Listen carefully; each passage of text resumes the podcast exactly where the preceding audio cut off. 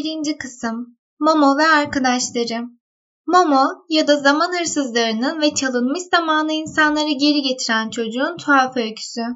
Birinci bölüm Büyük bir kent ve küçük bir kız. İnsanların bugünkünden bambaşka dillerde konuştuğu çok çok eski zamanlarda sıcak ülkelerde kocaman görkemli kentler vardı.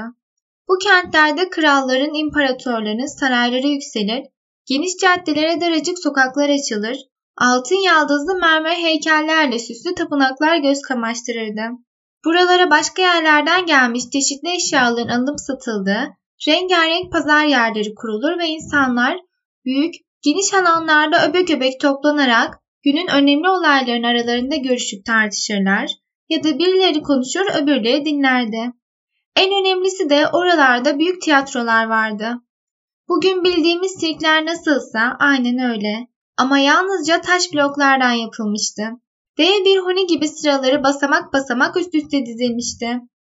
Yukarıdan bakıldığında bazıları çember gibi yuvarlak, bazıları yumurta biçiminde, bazıları da yarım daire görünümündeydiler. Amfiteyatr denirdi bunlara.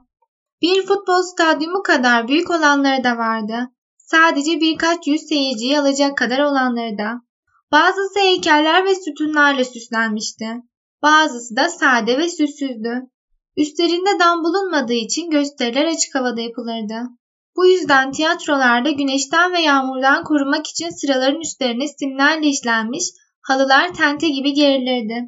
Basit tiyatrolarda ise aynı işi saz ve samandan örülmüş hasırlar görürdü. Sözün kısası tiyatrolar insanların gücüne göre yapılmıştı. Ancak bütün insanlar tiyatro istiyorlardı. Çünkü hepsi tutkulu birer seyirci ve dinleyiciydi. Seyirciler heyecanlı olsun, komik olsun, sahnedekileri kendi günlük hayatlarından gizemli bir biçimde daha gerçekmiş gibi görüyorlardı. Başka gerçeği izlemeyi seviyorlardı. O günlerden bugünlere binlerce yıl geçti. O çağlamı büyük kentleri göçüp gitti. O görkemli saraylar ve tapınaklar da yıkılıp çöktüler. Yağmurlar, rüzgarlar bir yandan, sıcak soğuk öte yandan taşları oyup aşındırdıkça o kocaman tiyatrolardan geriye bugün sadece birer yıkıntı kaldı. Delik deşik taşların arasında şimdi sanki toprak uykusunda soluk alıyormuş duygusu veren cırcır böceklerin o tek düze vızıltısından başka ses yok.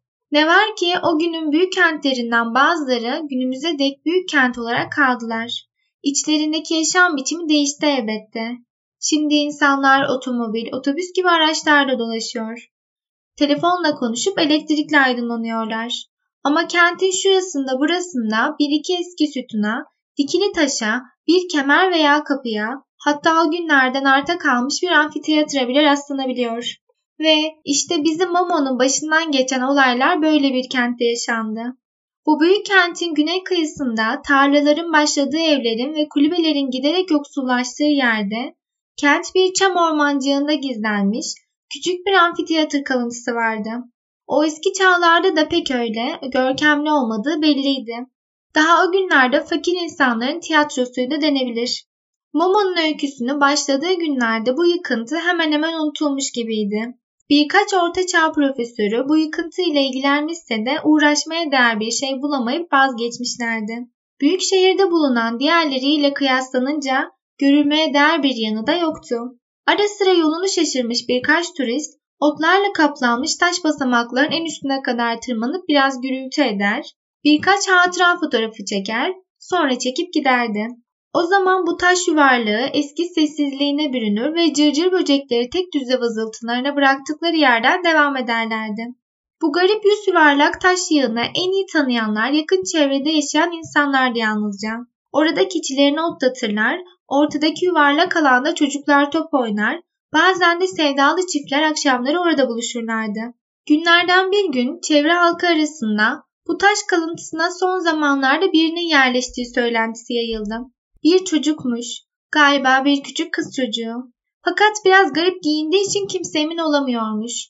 Adı da Momo muymuş neymiş? Momo'nun dış görünüşü gerçekten biraz garipti. Hatta temiz pak insanlar için biraz korkunçtu bile denebilir. Ufak tefek, cılız yapısıyla yaşının 8 mi yoksa 12 mi olduğunu kimse karar veremezdi. Ne tarak ne de makas görmüş hissini veren siyah kıvırcık saçları vardı. Gözleri iri, simsiyah ve çok güzeldi.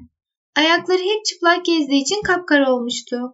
Yalnızca kışın. O da biri başka, biri başka ve ayağına büyük gelen ayakkabılar giyerdi. Çünkü Momo'nun orada burada bulduğu veya birilerinin verdiği eşyadan başka bir şeysi yoktu. Üzerine rengarenk yamalı ve topuklarına kadar uzanan bir etek geçirmiş, sırtındaki bol ve eski erkek ceketinin uzun gelen kollarını tersine kıvırmıştı. Çünkü kendisinin büyüyeceğini düşünerek onları kesip kısaltmamıştı. Hem canım bir daha böyle bir sürü cebi olan kullanışlı bir ceket bulabilecek miydi bakalım? Tiyatro yıkıntısının tam sahne altına gelen yerinde dış duvarlarda bulunan bir delikten girilen birkaç yarı yıkık oda vardı. Momo buraya yerleşmişti. Bir öğle üzerinde çevreden birkaç kadın ve erkek gelip Momo'ya sorular sordular. Momo kendisini oradan kovarlar korkusuyla onlara öylece durup baktı. Ama az sonra onların iyi niyetli, dost insanlar olduğunu anladı. Onlar da fakirdiler ve yaşamayı biliyorlardı.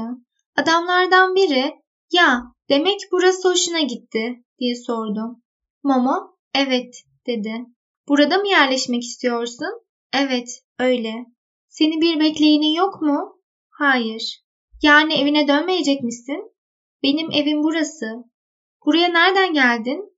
Mama eliyle uzaklardan anlamına gelen bir işaret yaptı. Adam tekrar sordu. Annem baban kim senin?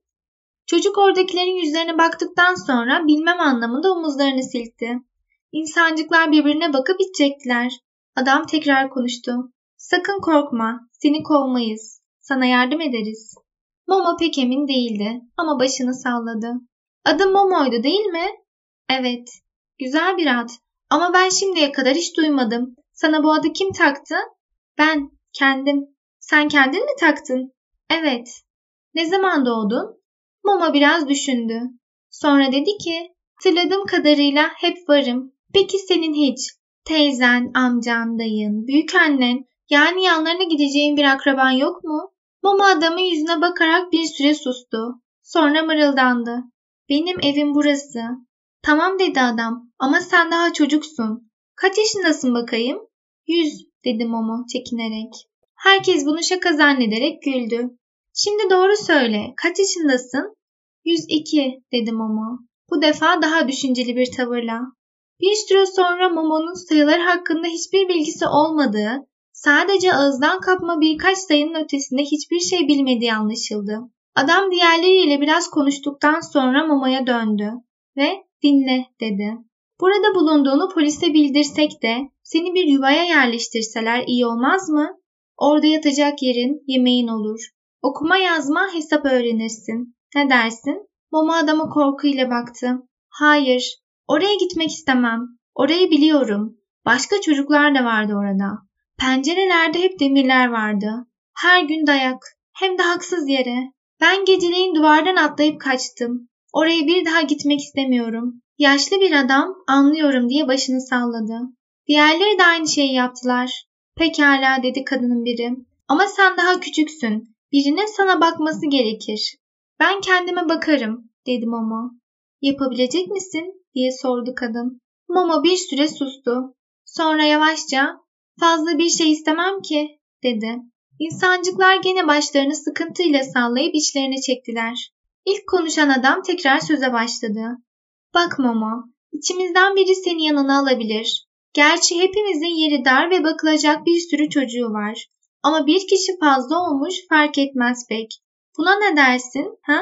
Teşekkür ederim, çok teşekkür ederim, dedim ama. İlk defa biraz yüzü gülerek. Ama beni burada bıraksanız olmaz mı? Etraftakiler uzun uzun düşünüp taşındılar. Sonunda bir karara vardılar. Çocuk pekala burada da herhangi birinin yanında olduğu kadar rahat olabilirdi. Üstelik onunla hepsinin birden ilgilenmesi, kızın tek bir kişinin üstüne kalmasından daha iyi olacaktı. Hemen işe başladılar. Önce Momo'nun oturduğu yarısı yıkık taş odacı ellerinden geldiği kadar düzeltip onardılar. İçlerinden duvarcı olan birisi odanın içinde küçük bir de ocak yaptı. Paslı bir soba borusu da bulununca ocak tamamlanmıştı. Yaşlı bir marangoz birkaç eski sandık parçasından bir masa ile iki sandalye yapıp çakıverdi ve sonunda kadınlar da çubuklarla tutturulmuş bir demir karyola ile az yıpranmış bir yatak ve iki yorgan getirdiler. Eski yıkındının sahne altına rastlayan bu taş kovukçuk artık küçük ve rahat bir odacığa dönüşmüştü. Aynı zamanda sanatçı bir ruha sahip olan duvarcı ustası sonunda duvarın birini güzel bir çiçek resmiyle süsledi. Hatta resmin çerçevesini ve asılı olduğu çiviyi bile çizerek tamamladı. Ve sonra da bu insanların çocukları geldiler ve yemeklerinden artırabildikleri ne varsa biri bir parça peynir, öteki bir parça ekmek, diğeri biraz meyve ve öbürleri de başka şeyler getirdiler. Bu çocukların sayısı çok fazla olduğundan o akşam ortaya öyle çok şey birikti ki amfiteyatırın ortasında Momo'nun oraya yerleşmesi şerefine adeta küçük bir şölen verildi. Bu yalnızca yoksul insanlara has candan ve gönülden bir şölen oldu. İşte küçük Momo ve çevre halk arasında dostluk böyle başladı. Birinci bölüm sonu Senin için yeni kitaplar seslendirmeye devam ediyoruz. Küçük Prens, Simyacı, Şeker Portakalı, Momo ve daha fazlası. Bizi desteklemek istersen kitap karakterlerimizin kupalarına, anahtarlıklarına, ayraçlarına bir göz atabilirsin. Tüm detaylar Geceyim Kitap Seslendirmeleri web sayfasında. Şimdilik hoşça kal. Bir sonraki bölümde görüşürüz.